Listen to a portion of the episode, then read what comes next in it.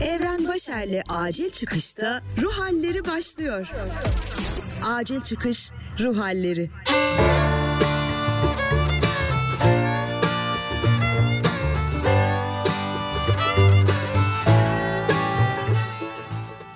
Selam sevgili dinleyen ben Evren. Bugün 5 Ağustos Perşembe Acil Çıkış Ruh Hallerinin 13. bölümünü dinliyorsun. Ülke yangın yeri, ormanlar bir yandan, liyakatsiz görevini yapmayan, hatta bazen pişmiş kelle gibi kamera karşısında gülen yöneticiler bir yandan, yanan hayvanlar, beyaz etse beyaz et gibi söylemler, uçak peşine düşmeler, ünlülerin sosyal medyadaki yakarışları derken hani okulda kurşun kalemi kazağımıza sürter elektriklenirdik yani. Bizi sosyal medyada böyle sürte sürte elektrikle yüklediler. Bu gördüklerimizde elektrik yüklendik ama bu elektrik iyi bir elektrik değil. Biz göçmenlerde başka bir iki delilik yaşıyoruz. Ne oradayız ne burada. Kafamız ülkede, bedenimiz bambaşka şartlarda başka bir ülkede yaşıyor. Bu ruh halimi de kanadagekleri.com'da ve Instagram'da yazdığım yazımda belirtmiştim. Şimdi oraya tekrar gelmeyeceğim. O konuyu açmayacağım ama bunlar üzerine konuşmak istiyorum bugün. Bu ruh hali üzerine konuşmak istiyorum. Kiminle? Tabii ki acil çıkışın gizli kadrolu uzman klinik psikoloğu Bahar Özkan'la. Acil çıkış. Bahar selam. Covid etkisini daha atlatamamışken onun yanında birçok şey yaşarken Türkiye tarihinin en büyük yangınlarından biri. Arada hiç bitmeyen canice işlenen kadın cinayetleri, başka hukuksuzluklar derken böyle bir aşırı yüklenmiş hissediyoruz. Özellikle sosyal medyaya girip telefonu elime aldığımda ciddi bir, bir mide bulantısı hissediyorum ben artık. Yani bunu mecazi anlamda da kullanmıyorum. Gerçekten böyle bir midem kalkıyor dolaşırken sosyal medyada. Bunu da birçok kişi de farklı şekilde gözlemliyorum. Başka şeyler yaşasalar da. Bize ne oluyor şu an ya? Ah e, Evren gerçekten. Öncelikle teşekkür ederim çağırdığın için. Böyle zamanlarda ben de kişisel olarak çok etkileniyorum. Zor geçiriyorum bu günleri. E, böyle paylaşımlarda bulunmak bana da iyi geliyor. O yüzden çok mutluyum burada olduğum için. Çok sağ ol. Bize ne oluyor? Ya öncelikle fiziksel ve duygusal bütünlüğümüzü bozan, e, bize ağır gelen, kaldırmakta zorlandığımız her olayı böyle travma olarak değerlendirebiliriz. Travmatize oluyoruz tabii ki de. E, altın çize çize söyleyebilirim. E, böyle travma her zaman herkese farklı yansır. E, belki herkes farklı yaşıyordur. Farkında olanı olmayanı vardır ama ölümle burun buruna geldiğimiz, bunu kaldıramadığımız bu günlerde travmatize oluyoruz. Yaşadığımız şey aslında bu özetle. İleride bunlar çıkacak o zaman yani travmanın öyle etkileri var mi? Farklı alanlarda farklı şekilde mi çıkacak? Ya özellikle kişisel hayatımızda nasıl etkileneceğiz mesela? Hadi gündemi ülkeyi bir kenara bırakalım bırakmak mümkün olmasa da. Şu andan başlayalım. Yani nasıl çıkacağını tabii ki de bilemiyorum ve kestiremiyorum ama şu anda herkes de zaten e, yansımalarını görüyoruz. Şimdi öncelikle bireysel travmalar ve toplumsal travmalar iki açıdan bakabiliriz. İkisini de yaşıyoruz. Çünkü bir kadın cinayeti olduğunda bir kadın bireysel olarak kendi e, bütünlüğüyle, kendi geçmişiyle, kendi bugünüyle yüzleşiyor ve o çok bireysel bir travma. Bir de toplumsal olarak yaşadığımız bir mesele var. Yanılmıyorsam değil mi? Türkiye'de e, yaşanan şey bir de toplumsal, etnik, kültürel de bir travma. Yangını bir kenara koyuyorum doğal afet. E, ama iki açıdan yaşıyoruz bunu. Nasıl yaşıyoruz Evren? Benim gördüğüm şeyi söyleyeyim mi öncelikle? İki farklı uçta yaşama hali görüyorum. Birincisi bunu çok galeyanla yaşama hali aslında gene duygularımızla çok temas etmeden böyle galeyana gelerek, öfkelenerek, belki birbirimizi e, doldurarak yaşama hali. Bir tanesi de senin az önce söylediğin gibi sosyal medyaya bakmayayım, ilgilenmeyeyim, görmeyeyim ve uzak durayım, kendimi kapatayım, duygusuzlaşayım, koruyayım kendimi gibi bir hal görüyorum. Ortalarda daha sağlıklı yaşama halleri var tabii ki ama oraya değinmeyeceğim. Nasıl yaşıyoruz, bizi nasıl etkiliyor kısmına değineyim. Bu ikisi bence e, birazcık benim kafamı karıştırıyor. Bu olduğu zaman gelecekte de çıkma ihtimali ve doğru duygularımızı yaşamama ihtimalimiz e, daha gündeme geliyor. O zaman şöyle direkt giriyorum. Hani biz bugünleri ne yaparak atlatacağız? Hani yine altını çizeceğim. Sadece telefonu elime almayayım mümkün olmuyor.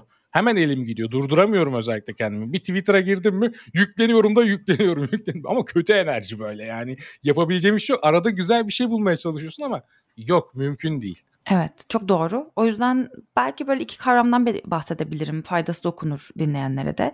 Böyle pasif kurban deyimini hiç duydun mu? Böyle pasif şekilde kurban haline bürünmek. Yani yapacağım hiçbir şey yok benim zaten.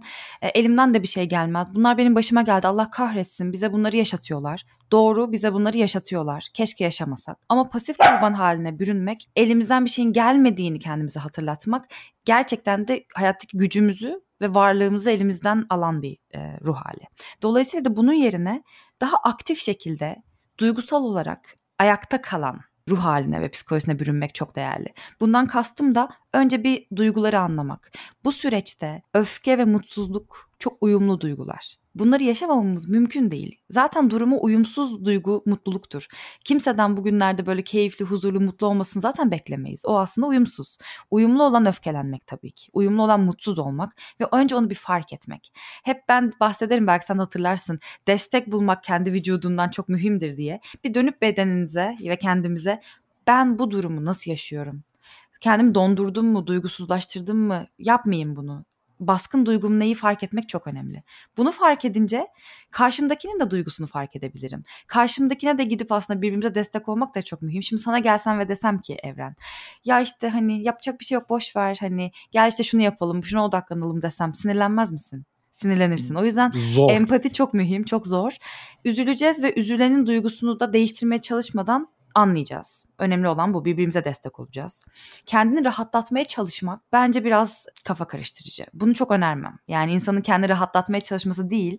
Hani şu şekilde. Ya yeniden dikeriz bu ağaçları. Ya zaten her gün hani ge- geçmişte de tarihte de kadınlar ölüyordu. Bu hep böyleydi. Hani bunlar hep böyle bu duyguyu şey yapmak değil mi? Kapatmak, böyle bir e, bastırmaya çalışmak, üstünü örtmeye çalışmak. Onu da yapmayalım derim. Araya gireceğim kusura bakma. Şimdi şunu mu kastediyoruz? İçimizdeki duyguları yaşayalım. Şimdi ben de büyük bir bakıyorum kendime hangi duyguları yaşıyorum bu ara sık sık. Bir iğrenme ki mide bulantısını bununla bağlaştırıyorum ve öfke. Üzüntü bunun yanında artık yani öfke ve iğrenme yanında kenarda kalır oldu. Şöyle bir şey var hani Türkiye'de öfkeni yansıtmak da insanlar için biraz değişik oluyor. Kimi çok farklı bir şekilde gidip kimlik kontrolü yapıp ormanda bekliyor farklı şeylere inandığı için. Kimi sosyal medyada öfkesini çıkarmak istiyor ama onların da bir bedeli var. Ne yapacağız? Evde böyle bağırıp duvarları mı yumruklamak lazım acaba yani? Nasıl çıkacak bu öfke ve iğrenme duygusunu nasıl kurtarabilir insan? Kendinden çıkarabilir daha doğrusu. Çok haklısın. Sağlıklı ve bunun aslında sağlıklı bir reçetesi yok. Ama sağlıklı ortamlar bulma hali var. Bunu sosyal medyada çıkarttığında tek başınasın evren. Bir post yazıyorsun ya da birine cevap veriyorsun. Karşındaki de sana cevap veriyor. Bunu biz işleyemiyoruz. Orada gene yalnızsın. Aslında güvendiğin insanlar içine kendini atmak ve onlarla beraber gerçekten bunu yaşamak. Öfkenin arkasında hep böyle bir üzüntü, derin acı, belki anılar bir sürü şey çıkar. E, terapi gibi grup terapisi yapalım demiyorum. Ama güvendiğimiz arkadaşlarla, bunu yaşayan ve duygularını ifade eden insanlarla gerçekten de oturup bana da yansıması bu. Beni şöyle sarstı. Seni nasıl sarsıyor? Sen ne yaşıyorsun? Ne yapabiliriz beraber? Kısmına bakmak mühim. Ne yapabiliriz de bir odaklanalım mı? Şundan bahsedeceğim. Herkesin bunu yaşama şekli çok başka. Şuna karar vermek lazım. Doğru anlamlandıralım. Bana en çok ne dokunuyor? Ve bunun doğrusu yanlışı yok. Yangınlarda da kadın cinayetlerinde de etik kısmı mı size dokunuyor? Önceliğiniz ahlak kısmı mı? Ya da devletten güven almak alamamak kısmı mı? Güç güçsüzlük dengesi mi? Ya da e, hayallerin yıkılması mı? Çocuklar mı? Hayvanlar mı? Gerçekten de herkese bir ölçüde bazıları, bazı grup, e, alt gruplar daha çok dokunur. Bunu anlamlandırmak mühim. Bunu anlamlandırınca da elimizden bir şey geleceğini küçük çevremizde, küçük çemberimizde, evimizin içinde belki kendimize karşıya bir şey geleceğini fark edeceğiz zaten. O yüzden anlamlandırmak önemli. Ben kendimde şöyle bir şey denedim dün. Bilmiyorum belki başkası için yardımcı olur mu ya da kendimi mi kandırıyorum. Dün biraz uzak kalmayı başardım sosyal medyadan ve e, uzun zamandır merak ettiğim bir konu. Daha doğrusu öncesinde girmiştim ama minimalizme hı hı. ilgili kitaplar okuyorum, e, makaleler okuyorum bu ara ve dün bütün günümü evde fazla olduğunu düşündüğüm eşyaları çöpe atmakla geçirdim ki değerli değersiz her şeyi çöpe doldurdum ve meyve altı poşet odamdan çöp çıkarıp attım. Sonra bir rahatlama hissi bir bir, bir şey bir, bir, bir rahat uzun zaman sonra yaşadığım bir şey oldu. Bilmiyorum o çöplerle beraber duygularımı da mı içine doldurup attım, rahatladım. Bilmiyorum enteresan bir şeydi. Bugün mesela güne biraz daha ferah, ferah başladım ama Aynen öyle. yani güne yeni başladığımız için de olabilir. Sonu Twitter'da bitince ne olacak bilmiyorum. olabilir. E dediğim gibi hedefimiz iyi hissetmek değil ki. Yani hedef duygularını doğru proses etmen. O yüzden de belki dediğin gibi duygulardan arın arındın atarak belki de dünyaya yarattığımız bu kirliliğin, bu plastiklerin, bu e, çöplüğün kendi içindeki bir e, ayrışmasını yaptın. Bilmiyoruz ki yani önemli de değil aslında neye etki ettiği. Sana bir ferahlama getirdiyse ne mutlu. Ben de benzer şekilde dün böyle çok üzüldüm ve çok ağlam ağladım. Sonra baktım tek başıma ağlamak iyi gelmiyor. Bir insana sarılmak da iyi gelmeyecek. Bütün gün Maya'ya sarıldım. Böyle kö- köpekle temas etmek çok iyi geldi. Yani dışarıdaki köpeklerin acı çektiğini biliyorum. Elimde bu var ve buna sevgi göstereyim yani. Hani ufak bir müdahale ama çok çok e, iyi geldi. Bir de şimdi şöyle bir şey var ona da gireceğim göçmen olmak, sen de göçmensin, ben de göçmenim. Bu anlatması çok zor bir şey. İkili bir hayat yaşıyoruz burada ve hani bedenen buradayız. Kanada'nın şartlarını yaşıyoruz ya da başkası için başka ülke ama kafa olarak da hep Türkiye Türkiye'deyiz işte sosyal medyayla beraber.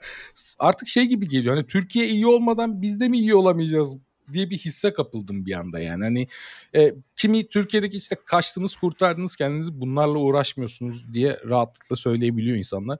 Ama hiç öyle bir gerçek yok yani gayet de uğraşıyorsun. Hani en, elinden ne gelecek bu kadar uzaktan bir yardım göndereyim diyorsun. Orada yardımın karşılığı nereye gidiyor? Ne yapılacak? İşte bir anda diyorsun hani temaya ağaç başladık 100 tane 200 tane 1000 tane e, sonra bilimsel makaleler okuyorsun aslında oralara ağaç dikilmemesi lazım bambaşka şey olması lazım falan böyle ikilemler yaşıyor göçmenler ki benimle aynı düşünen birçok insan olduğunu gördüm e, yazdığım bir yazıyla da.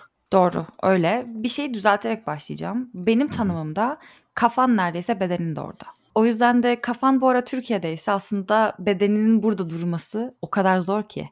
Ee, bunu ayrıştırıyorsak, ayrıştırmak zorundaysak, buradaysak e, o zaten insana bir e, yük. Bunların ikisinin aynı yerde durması çok faydalı. Şu anda oradaysak keşke orada olup e, elimizden bir şey gelse ve yapabilsek. O yüzden buradaysa bedenimiz bunların ikisini birleştirmek çok mühim evren. Gerçekten ayrıştırmamak önemli. Yani bizi biz yapan şeyse göçmen olmamız, bizi biz yapan şeyse Türkiye'den olmamız.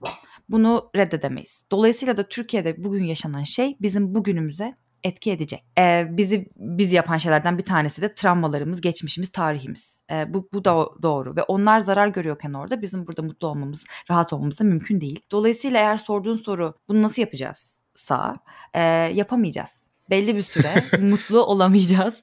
Belli bir süre onlar acı çekerken bizim çok huzurlu acı çekmeden yaşamamız zor olacak. E, bunu kabullenmek neden bu kadar zor? Benim de sorum bu olur. Neden acaba kafamızı hep mutlu olmaya, hep böyle bir huzurlu olmaya itiyoruz ki? Bir şey yaşıyorsak bir şey yaşıyoruz toplumca. Ve toplum demek aynı yerde durmak demek mi? Biraz da bu şeyden kaynaklı olabilir. Hani bazı şeyler öğretilmiş çaresizlik olarak nitelendiriliyor. Yani bunu da hani çaresizlik olarak nitelendirmiyorum ama eğer biri Türkiye'den göçmüşse kendini kurtarmıştır hmm. mantığına çok fazla maruz kaldığımız için insan kendini bir sorgulamaya geçiyor. Hani ben bu hayatı değiştirdim. Gittim buraya ayak uydurdum. Yeni bir hayat kurdum. Baştan bir sürü şey arkadaş edindim. iş buldum. Dil öğrendim filan derken e, diyorsun ki Aa, ben yine Türkiye'deyim. Yani o kadar üzerine verilmiş olan o hani kaçtı gitti şeyinden sonra bu gelince e, ben kaçmamışım bir yere gitmemişim ki aslında hissiyle evet. bir bocalamaya girdim. Özellikle bu yangın döneminde bunu daha çok fark ettim. Kesinlikle doğru. Bedensel olarak kendimizi koruduğumuz doğru.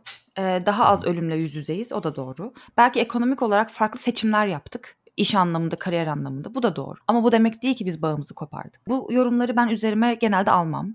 E, göçmenlerin de almasını istemem. Çünkü o gerçekten ekstra bir suçluluk duygusu. Utanç veren bir şey. Yani sanki biz kaçtık, kurtardık kendimizi ve ayıp bir şey yaptık. Savaşmamız gerekirken savaşmadık. Hani e, herkesin motivasyonu çok başka. O yüzden de bunu almasını kimsenin önermem. Şunu söyleyeceğim bir de. Buradayken ben iş yerinde de bunu çok yaşıyorum. Travmanın iki türü vardır. Bir aktif travma, ona maruz kalırsın. İki, ikincil travma. Maruz kalmazsın ama duyduklarınla, gördüklerinle ve içinde yaşadıklarınla ikinci seviyeden travmatize olursun. Her göçmen şu an ikinci travma yaşıyor. Evet birebir maruz kalmıyoruz, birebir yaşamadık ama bağlarımız var, gördüklerimiz, duyduklarımız bizi de aynı şekilde etkiliyor. O yüzden de hiçbir göçmen bundan daha az etkileniyor değil, kendini kurtarmış da değil. Ee, bu utancın içine düşmemizi hiç önermem. Önerme. Çok güzel. Hayır. istemiyorum. Kimse almasın. Artık bu insanlar da bizi şey yapmasınlar. Kaçtınız kurtardınız. Evet gelmeyin bu şekilde. öyle Aynen bir şey öyle. Yok. Bak burada birikmiş de bir öfke de var sanki. Ya, utançla öfke kardeştir zaten. Yani üzerimize gele gele gerçekten savunmaya geçiyor insan kendini değil mi? Böyle hayır öyle değil. Bak bizim de amacımız şuydu. Biz de bunu yapmak istedik. Türkiye'nin biz de yanındayız gibi açıklama hissediyor insan. E, ya işte dediğin gibi şeyi de fark ettim hani bununla beraber. Bu kendini açıklama isteği belli bir zaman sonra artık yorucu bir hale geliyor. Yani hep bir yanlış anlaşılacakmışsın. Bir ama ile başlayan cümleler kurmak zorundaymışsın gibi bir his. Ve o da ayrı bir yorgunluk. Ya diyorsun Türkiye'ye mi üzüleyim, kendimi mi açıklamaya çalışayım? Ben bu duygumu amasız anlatmak istiyorum her insan gibi biraz da yani. Göçmen olmak burada bir tanım değil. Sonuçta insanım yani. Burada da az önce yaptığımız yoruma döneyim mi kısaca? Pasif Hı hı. e, kurbana girmeyelim. Göçmen olmak zor bir şey. Biz de etkileniyoruz. Biz de çok etkileniyoruz. Bunu aktif şekilde amasız ifade etmeye çalışalım. Karşısı almıyorsa karşısı almayacak ama bizim sahip çıkmamız lazım bu durumun zorluğuna ve bizi etkileme şekline. Peki son olarak bu aralar ne yapmak lazım? Yani bir listem var mı? Biz reçete gibi, diyet listesi gibi şeyleri çok severiz. İşte bu aralar yapılacak 10 şey gibi. Ne bileyim bunları bunları bunları bunları bir yapalım. Belki hani ne bileyim Evet. ulaşır. Evet evet. Tabii ki. Öncelikle sosyal medyadan başlayalım. Ee, sosyal medya kullanımına bence dikkat edelim. Galeyandan uzak durmak mühim. Çünkü galeyan ve dolduruş e, duygularımızla iletişim kurmamızı engel. Birebir duygularla iletişim kurmak için anlamlı diyaloglar kuralım derim. Ee, sosyal medyadan bile olsa, uzaktan bile olsa anlamlı gruplar, anlamlı destek sayfaları, fiziksel gücümüz yetmiyorsa duygusal güç verebileceğimiz, birbirimizi anlayabileceğimiz platformlarda paylaşım. Bunu söyleyebilirim sosyal medya temizliğiyle ilgili olarak. İkincisi yalnız kaldığımız zamanlarda da senin yaptığın şey çok kıymetli. Eminim bir anlamı vardır. Bu duyguyu bir yere entegre etmişsin. Böyle yazmak, resim yapmak, duyguları açığa çıkaracak aktiviteler çok faydalı. Hiç böyle yönlendirmeden ya ne hissedeyim, iyi hissedeyim falan demeden ne geliyorsa onu böyle bir çıkaracak aktiviteler.